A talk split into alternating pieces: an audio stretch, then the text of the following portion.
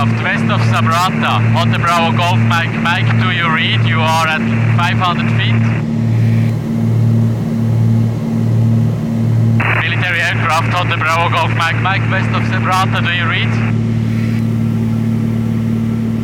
Well, they're there, huh? I would like to introduce your foundation to our listeners. Can you describe the very beginning of this organization? How does it happen? Okay, well, the Humanitarian Pilots uh, Initiative, HPI, was founded in, in autumn uh, 2015, that's uh, already seven years ago, by, by a small team of friends, of Swiss friends. They had a, a common passion of paragliding and uh, they decided that they, they would put that passion at the service of uh, a noble cause, something done to help the, the people. And then uh, the, the president of uh, this uh, small group, uh, the leader, Fabius Zgraggen, a Swiss guy, he was has been touched by a program on the television about the migrants fleeing from Libya to Italy to Lampedusa and then they, they decided to to work uh, to help to rescue the, those people, and that that was the very start of HPI. And uh, however, since then the uh, the foundation they created the foundation first of all in Switzerland, and then this foundation has expanded, and um, currently, of course, it's uh, having much more people, and also they started with very uh, light material. They were using ultralight aircraft to spot the migrants' boat, and uh, now we are working together with uh, larger organizations, and we are using much more sophisticated material. And also, we have um, now many more pilots uh, that have joined us. All right, can you describe, please, your everyday mission? You just mentioned spotting the boats, but can you say more about your everyday mission? Yes, of course. So, first of all, just would like to to emphasize the fact that uh, HPI is uh, not only focused on the central Mediterranean project. Uh, that was the first one, but since then we have uh, expanded the scope of what we, we are doing. Actually, we now have are of uh, three different uh, types. There is still what we calling the uh, monitoring, like we do in the Central Mediterranean, civil monitoring operation, and I will give you more detail upon that. But uh, in the meantime, we also developed uh, another thing which is named uh, SVAS, Super Versatile Aerial Dropping, of uh, which is um, something that has developed to be able to drop uh, first aid medical uh, aid to remote place uh, in Africa, for instance. we also making aerial monitoring to prevent the illegal fishing. And uh, we also more recently developed uh, a new channel of uh, helping uh, the uh, Ukrainian people, civil Ukrainian people, to uh, be evacuated from the Ukrainian border, which is named the Ukrainian Airlift. So those are the, the different projects that are currently done by HPI. But if you like, we can discuss more about uh, the uh, first uh, project, which is still the, the larger one regarding resources, which is the Central Mediterranean one. Well, they're there, huh? Military aircraft on Bravo Golf Mike Mike calling on guard west of Sabrata. Are you aware of the distress case? Uh, rubber boat with uh, over 100 people? Ja, sie antworten nicht.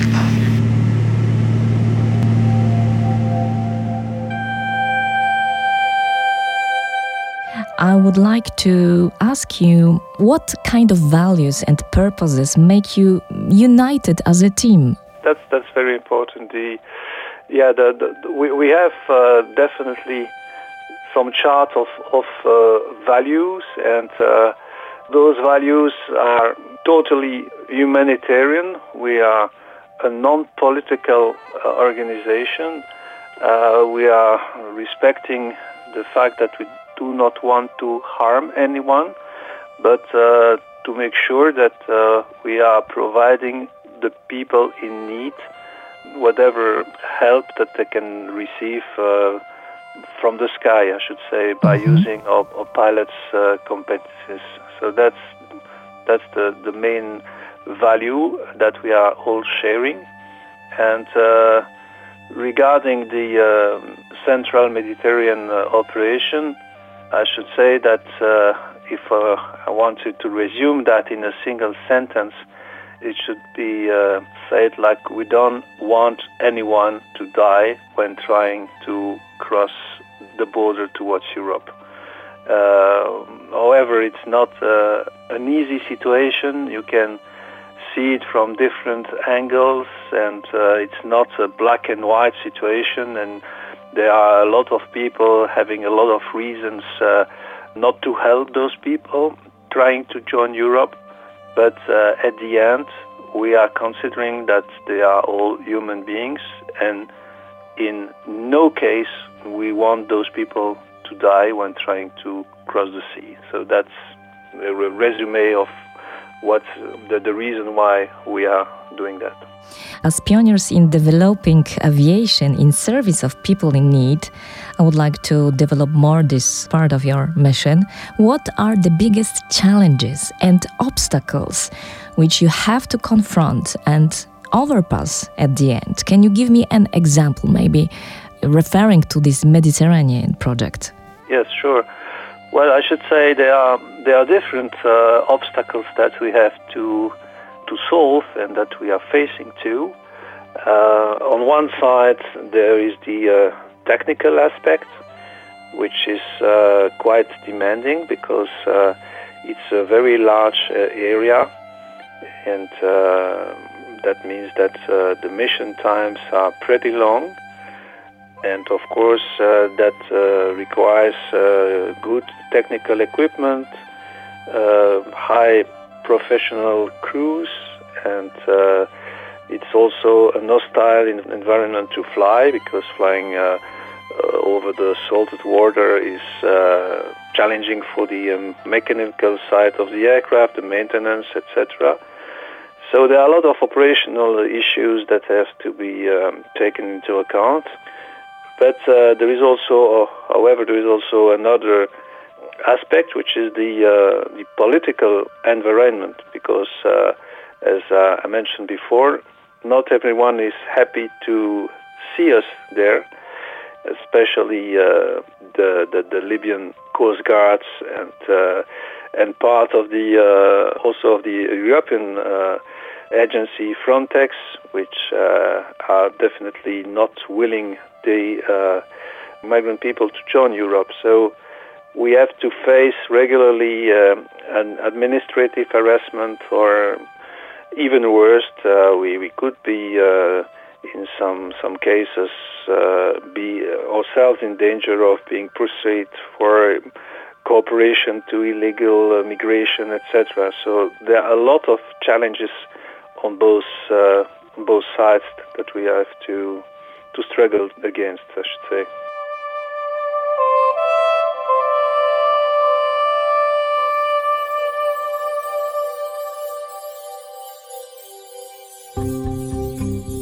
If you could describe your team, what kind of skills you need and what kind of expertise you need to perform your operation? Okay, so HPI is uh, basically uh, the first people joining were, were pilots, but uh, like in every uh, airline organization, we cannot fly aircraft uh, without a strong uh, support from ground staff. So now we have a team that not only comprises pilots, but also as numerous other kinds of volunteering like IT specialist, uh, communication and media specialist, people working for the fundraising, uh, for the administrative part. So those are all the skills that are necessary to, to make this organization working. Uh, however, yeah, we still need uh, pilots. We are presently approximately 15, 15 active pilots uh, within HPI, who are most of them, or nearly all of them, are professional pilots, airline pilots, commercial pilots, who are do, doing that on a voluntary basis during the, the period of vacation. And uh, we have a lot of uh, applications. That's very good news. Uh, we receive uh, uh, approximately three or four applications a month to join us.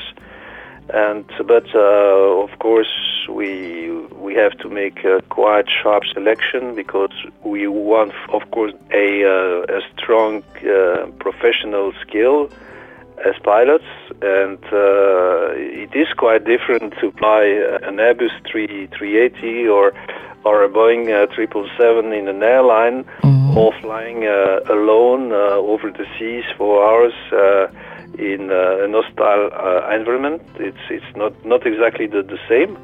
So we have to make sure that those people have those skills, but also, however, that they are in accordance with our values, with what I've uh, explained you before. So we need to make sure that uh, on the human being side, uh, they are also able to, to work with us. You are ahead of training, so I would like to ask the right person um, what is the difference in terms of training? Professional pilot and the humanitarian one. Just you mentioned that these values are very important, but in terms of you know the skills. I should say that uh, once again, most of our pilots are commercial or airline pilots, so they they are used to work in a in a very well supportive structure, uh, which means that uh, they they are there to fly the aircraft from point A to point B much more complicated aircraft. Uh, obviously, that's what we are flying with in HPI. It's uh, technically speaking, we cannot compare uh, a Boeing on an Airbus to the light uh, twin aircraft that we are flying. That's one side. But on the other on the other side, uh, they also on a, in an airline. You're also flying with a crew of uh, at least two pilots, sometimes three.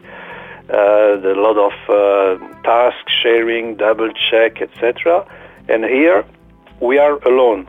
So that means that the, the skill that has to be checked and developed is the total autonomy of the uh, pilots. Uh, we have to take care of everything. We don't have uh, a larger company uh, support, so that means that we have to take care of our flight plans ourselves, of our um, permission to operate for an airport uh, for the refueling, for the weight and balance, for for everything that has to be uh, taken into account to make a flight.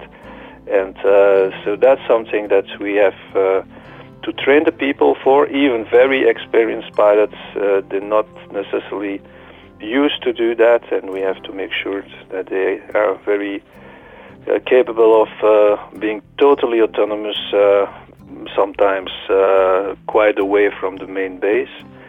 And uh, another thing is, for instance, uh, when you're flying uh, during hours and hours uh, over the sea, and then after that you still have to make another flight to make the refueling of the aircraft, and then you're going to be alone in the plane by night, sometimes by really bad weather. It is uh, another kind of training. So that's what we are training our people for. I think it's uh, one of the most important part of this training is this psychological part of this um, service. I think. Absolutely, absolutely, yes. Uh, definitely, that's also something that we are very caring about. And uh, the, the, way we are training and selecting our, our pilots is basically we are first uh, when when someone is making an application, we are asking uh, the pilot to send her, us a, a, motivation letter uh, in addition to to her or his uh, aeronautical CV and why does the pilot wants to join us. Then we make uh, an interview with two of us to, to make sure that the values are shared, that the motivation is there, etc. Then make a, a technical in-flight evaluation in Germany with our chief flight instructor, uh, followed by a dedicated training on the aircraft. Yes. Got the certification on the aircraft. And then the third step is to fly with uh, the new pilots out of Lampedusa during two or three or four missions together to evaluate uh, the ability of the pilot to adapt herself or himself to this emotional side and also to the fact that uh, we are living on uh, in Lampedusa uh, all together, like in a summer camp, which is uh, also not the, I should say, the uh, usual uh, standard of comfort that an airline pilot is knowing. So those mm-hmm. are all the aspects, and of course there are also sometimes very emotional moments when you are into the plane and you are facing a very sometimes very hard situation and uh, of course we, we need to make sure that the pilot will be able to cope with that and there is psychological support offered by our partnership organization uh, Sea-Watch. They, they, they got uh, service for that, but uh, all of that has to be taken into account.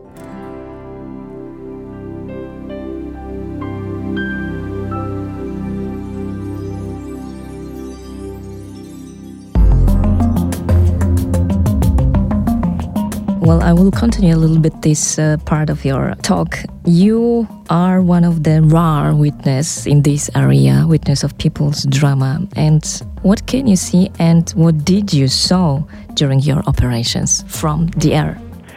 Yeah, this is a very important uh, point that uh, you you raising up is the fact that actually yes, we are the only civil witnesses of what's happening there because the other actors, there are a lot of actors uh, actually around. We're not alone in the sky. We are also um, encountering uh, drones and planes, mainly from Frontex, the uh, European Border Police. And uh, without our presence, nobody would know exactly what's happening. So uh, that's one of the first mission that we we have to, to do is to to be uh, able to watch and to witness and to, to take pictures and to grab videos of what, what's happening. Then, um, of course, we have also another mission, which is well to, to try to locate the boats in distress and to make sure that they are rescued. And uh, it seems uh, weird, but as I said before, this area is very big, very large, and with boats, it's, it takes days to cover that area. So that with, a, with an aircraft, of course, which is flying about uh, 10 times faster than the boats, we can cover much larger area and make sure that uh, not a single boat remain unidentified. But then what we are witnesses, well, a lot of things. First of all, you must know that there are a lot of boats, a lot, uh, more than 1,000 a year. And on those boats, the average people are around 100. Sometimes they're smaller with 20, 15, 20 people. Sometimes they're much larger with up to 200, 300 people on the very, very small boats, which are most of the time not seaworthiness anymore. Uh, they are in bad conditions. They're running out of fuel. When there are rubber boats, uh, we're witnessing uh, boats that are uh, already with uh, boots deflated, uh, etc. So the, the first thing we do when we spot a boat is to check the condition uh, of the boat, well, as as far as we can, because it's not evident always to to know it exactly. But we have a first impression, and then of course, we have to, to relay to all the authorities, including uh, the Libyan authorities. We have to make a relay of the position of the boat, and then, depending of the position, there are different different uh, type of situation. Either the boat is is still navigating by itself and uh, going into uh, the good direction. I mean, good direction for them, which is obviously Europe and then uh, we just um, uh, spotting them during all the missions, making sure that uh, like every hour or every two hours we are flying them, making sure that uh, they're still going do, doing good. uh, either they are not able to navigate by themselves anymore, and in that case, we have to send a Mayday relay, which is the official type of messages to uh, the authorities, and try to make sure that someone, some boat, will rescue them. Then, of course, uh, there are different types of boats uh, into that large area. There are some civilian boats from uh, humanitarian organization, several ones. The, the, the Sea Watch, uh, which is the organization which is our partner, has got boats, but also other ones like uh, Open Arms, um, Médecins Sans Frontières, uh, and, and many others. So either migrants are rescued by those boats, which is on the point of view of, uh, I mean, on the humanitarian uh, side, it's the best option. Mm-hmm. It's not the end of the journey for them, far from that, but at least they they will be taken care of, and uh, in no in no condition they will be disembarked in the in, in a dangerous place, which is once again the aim. I mean, if you have to prioritize what we are aiming for, I should say point number one, not to have a single person dying. Then number two is when they are rescued, not to have them disembarked in a dangerous place. When I say dangerous place, the international law is very clear about that when people are in distress at sea, they have to be rescued and they have to be disembarked in a port of safety. Port of safety, that's the official denomination. And obviously, Libya, for instance, is being a country in civil war, is not and cannot be considered as a port of safety. That's, that's really the, the point. So when we sometimes when there are no uh, NGO boats uh, close by, then the other options are they are close enough to Lampedusa to the Italian waters, and then they are rescued by the Italian official maritime rescue boats, different ones. Uh, Carabinieri, Guardia di Finanza, or the Coast Guard, and then they are disembarked in Italy. Either they are too far away from, from Italian zone, and then another option is to have a serval merchant, a merchant boat, uh, a freighter or a cargo, that they change their course and they rescue the people. And that's one of the things we are doing when we mm-hmm. when we see a boat in distress. We we are equipped to know exactly where are the merchant vessels then we fly to them, we contact them, we ask them to rescue the people. Most of the time it's not easy because they don't want to change their course, they don't want to have those migrants on board, etc., etc. Then we have to, to remind them that actually they have legally no choice. That's yes. the international law of the law. sea. Mm-hmm. And if they don't do anything, then the organization uh, will uh, sue them in, in justice. And yes. uh, we have to try to put some pressure on them. And sometimes it works, sometimes it doesn't. And then the last, and I should say the worst scenario, is when those people, those migrants, are rescued.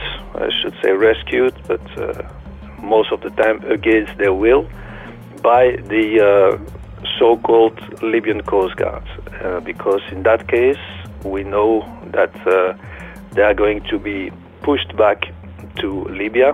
Mm-hmm. And that means that, of course, they will be disembarked in uh, a port which is not of safety. Not talking about the way they are treated on board the, those uh, Coast Guard boats and uh, and after they are disembarked in, in Libya.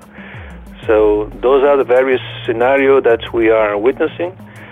The worst, worst case uh, is when you see a boat that is not instead of uh, navigating anymore and that is actually uh, uh, taking water and uh, yeah that could lead of course to the very worst scenario when nobody can rescue them. It, that doesn't happen often. It never happened to me but to some of my fellow friends. And of course that's the, the worst thing to witness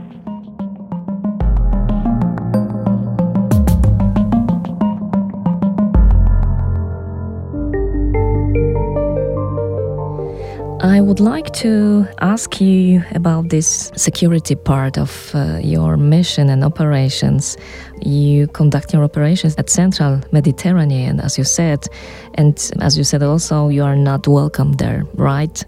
And I would like to know what can you do at that moment confronting Libyan army?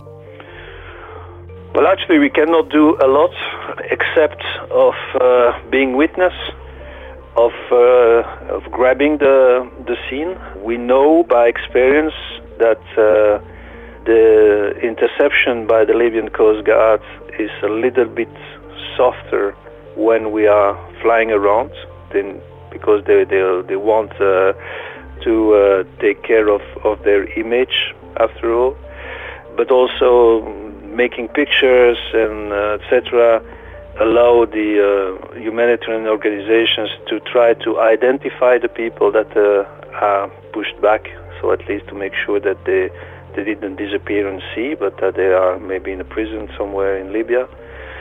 So um, that's uh, that's nearly all what we can do. We cannot do much more than that, and of course, it's also some kind of um, giving us the opportunity, not HPI itself, but uh, the uh, organization like Sea-Watch to put pressure on the uh, European community.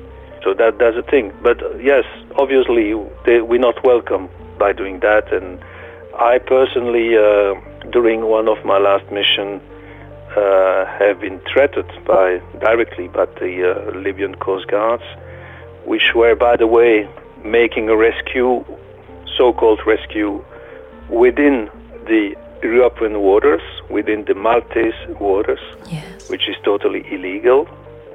And uh, so we contact them by the radio mm-hmm. and say, okay, you are making a rescue, good, but now we urge you to disembark those people in Europe, not in not in Libya. And then they told us, uh, you have to leave the area immediately, or we are going to shoot you with a missile.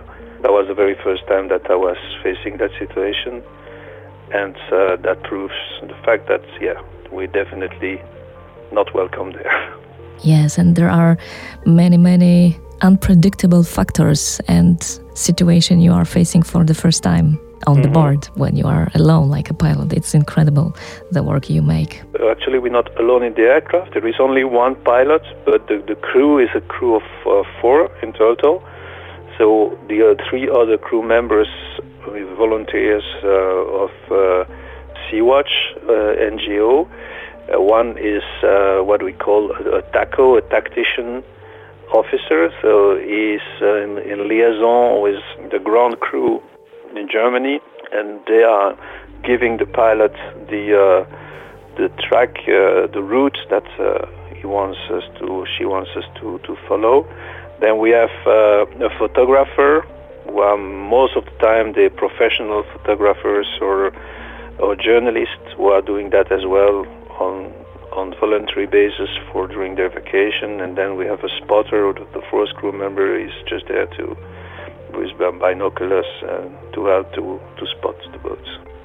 Do you ever follow the informations about what happens next to the people? Well, actually, uh, not directly, and uh, sometimes it's a bit frustrating because uh, we hope that we are helping them in a certain way, but we don't see what's happening to them afterwards. And of course, we are all aware that uh, the final issue of, uh, of their situation is is not very happy all the time. Far from that, but um, basically, when they are rescued by a, a, a boat that is bringing them to Europe.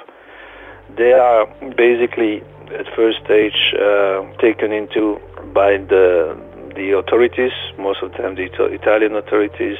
So they are uh, sent to uh, a hotspot, a sort of uh, of camp where they have to fulfill a lot of formalities to ask for uh, asylum Mm-hmm. And then there, there is an inquiry to uh, to try to identify where they're coming from, what's the reason why, if they they, they were fleeing uh, a civil war or if it's just an economical uh, asking of uh, acceptance, etc. And we know that part of them are brought back to their countries of origin by by the uh, European community. By that's, deportation procedure? Yes, by deportation procedure. So um, yeah, that that's how it is. I mean, I don't know the numbers exactly, but um, most probably, roughly, if you take 100 people leaving from from Libya on, on migrant boats, approximately uh, half of them will be pushed back to Libya during the, the crossing by the Libyans. Uh, half of them minus minus about 2,000 a year that are supposed to be dead, so they're supposed to have disappeared into the sea. The other half are reaching Europe, and among those that half, more than half of them are are deported back to their countries of origin. So that means that in total only 20 to 25 percent of the original people living in Libya are accepted in Europe. But accepted mean, doesn't mean that, of course, they will have an easy life or they will receive papers immediately, etc. No, they're going through a very long process. And however, the structure to to integrate those people uh, uh, far from being as good as they, they should be. But that, I mean, that's what I said at the very first stage. It's not it's not an easy situation. I can understand people who say Europe cannot accept uh, everyone. It's true in a certain way. For me, there is no not a single easy solution, except that uh, the only real solution would be to make sure that those people doesn't want to leave their country of origin anymore. That they have what they need where they are. Mm-hmm. But that's, of course, very larger scale. But also what I hear often, and um, um, that's really my belief, uh, there are people who are telling us, by doing what you are doing, you are encouraging those people to, to, to migrate to Europe. And I think that's totally not true, because the witness that we have from the organization that are welcoming them either on, on board the boats, either when they arrive in Europe, is that actually those people, they are very conscious about the enormous risk they are taking by doing that. And they're really so desperate about the life they are facing in their country of origin that they would do it anyway, whatever the, the risk, they would do it. So I'm totally convinced that our presence doesn't encourage them. It will maybe save some of them, but in no way will encourage to have more illegal migration that we should not be there.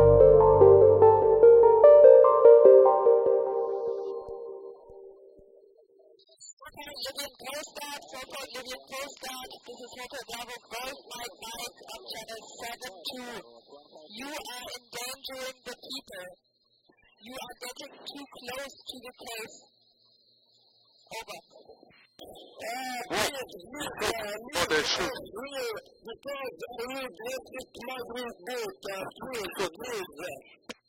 They're shooting. Yeah, they're shooting.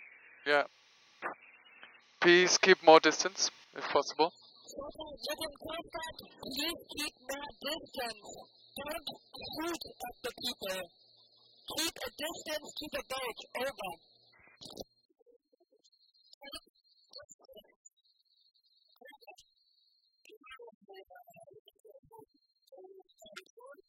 Terrible. This is really bad. Yeah. They're shooting good.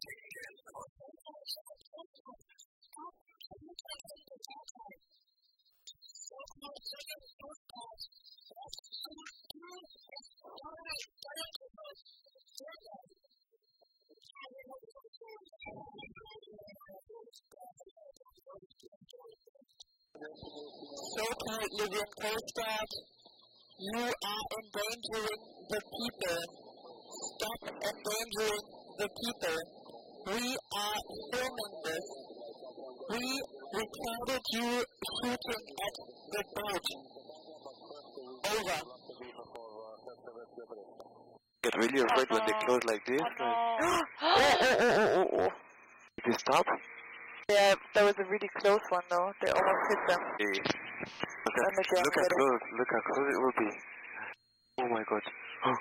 Oh, oh, oh, oh, oh, oh. Were they throwing sticks Yeah, yeah. I think they got them, no? They got them out.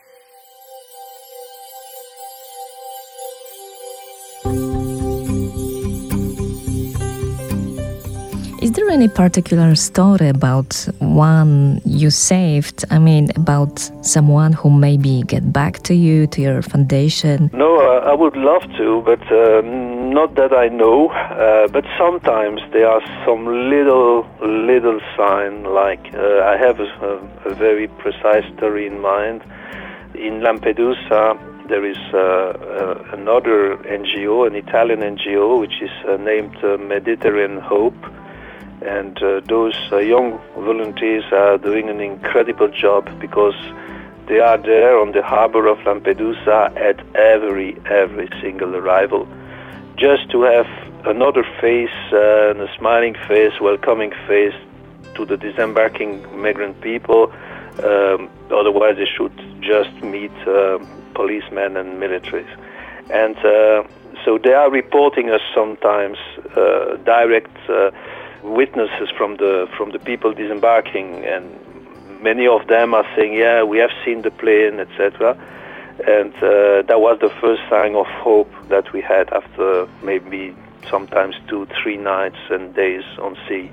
But uh, the thing I have in mind is a, is a little boy because they're usually giving them papers and pencils to make drawings, and uh, a little boy he just drawn the plane, and yeah, that was very emotional because that's what he, he had in mind. Say, this little plane was the very first sign of, well, we are not totally lost uh, in the middle of the sea and someone is going to rescue us.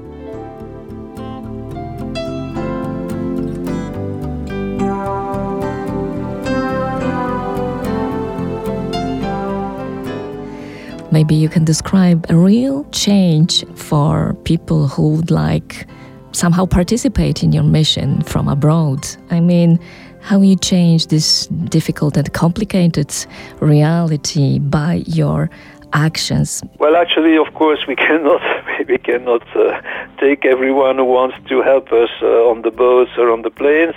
So, of course, uh, one of the best way to, to help us uh, is is to donate. Uh, no, it's always what the people are asking for, but it's the fuel that we need to to, to be able to, to operate. That's one thing. But then there is another thing, which is to make some pressure over the uh, European countries to try. I don't know. I'm not a politician, and I don't know. There is no miracle solution, but the fact is that. Um, a lot of hypocrisy because, for instance, uh, the Frontex organization is having a huge budget, a huge amount of money available to have uh, all the means possible, including financing the so-called Libyan Coast Guard, etc. I'm sure that all that uh, huge amount of money could be spent in a more human way to yeah, to, to, to make things differently. And uh, so I think that there is there is some power from, from the people people who are voting. They they, they could uh, make some pressure on on the government and to say, okay, uh, this is not an easy situation, but the way we are dealing with it is just is just not human. And uh, when the human beings want to find a solution, usually they can especially if they got a lot of money to on the table. So that's um, I should say that those are the two ways of action. One is to support the NGO, the civil NGO, who are doing their best to well to help those people, but at the same time also to make pressure that the uh, the governments, which is actually the job. We we're doing the job of the governments by doing that. It's not not normal that we have to do that. So that that's that's the other way is to to make some pressure on it. Also, maybe some kind of uh, I shouldn't say political, but uh, education, but some kind of education of the people who are really sometimes very has got very basic reactions regarding uh, that kind of immigration. Say, yeah, those people from Africa, etc. But I can tell you that looking at that on the television at eight o'clock in uh, your sofa or against a bonfire is totally different than being faced to those people. We're looking at them eye in the eye like we see them on the harbor of Lampedusa. You see women with babies, and well, they are brothers and sisters. They just haven't had the chance to be born on the right place at the right moment. That's all. Do you operate also during Christmas time? Yes, we do. Uh, last year we have been operating during Christmas time.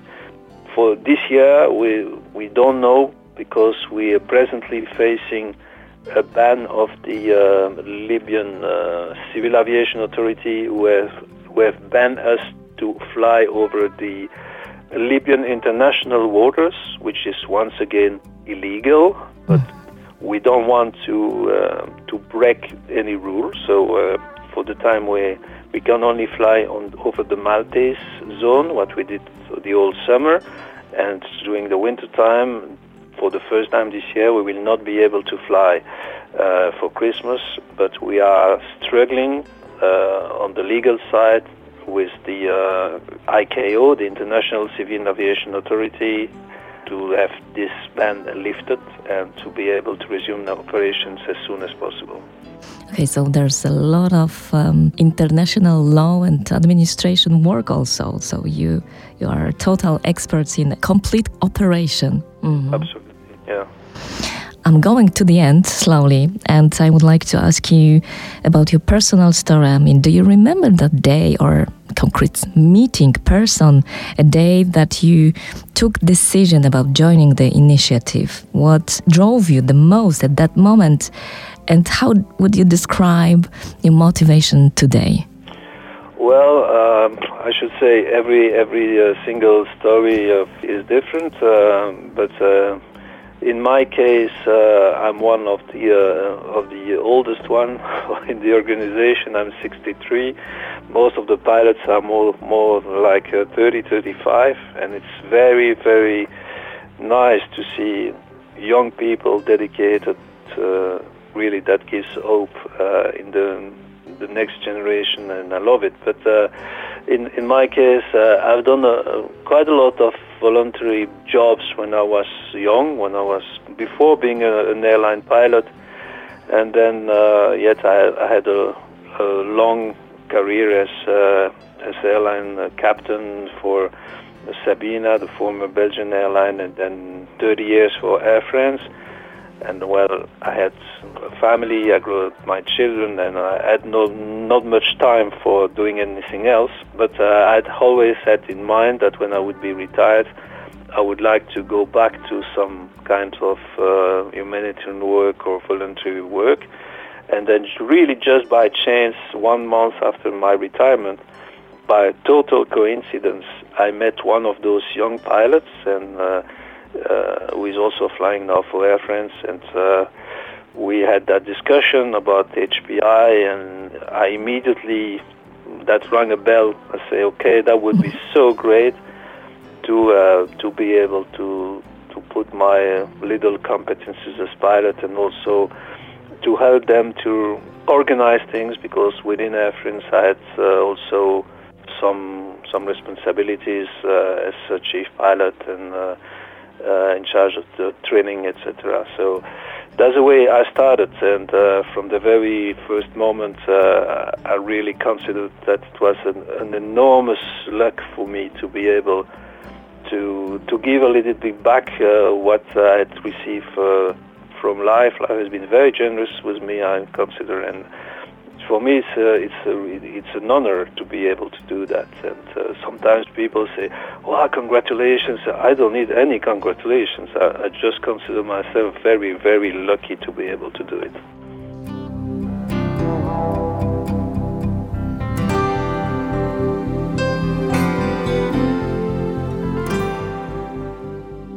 How long will you continue to fly over Mediterranean Sea?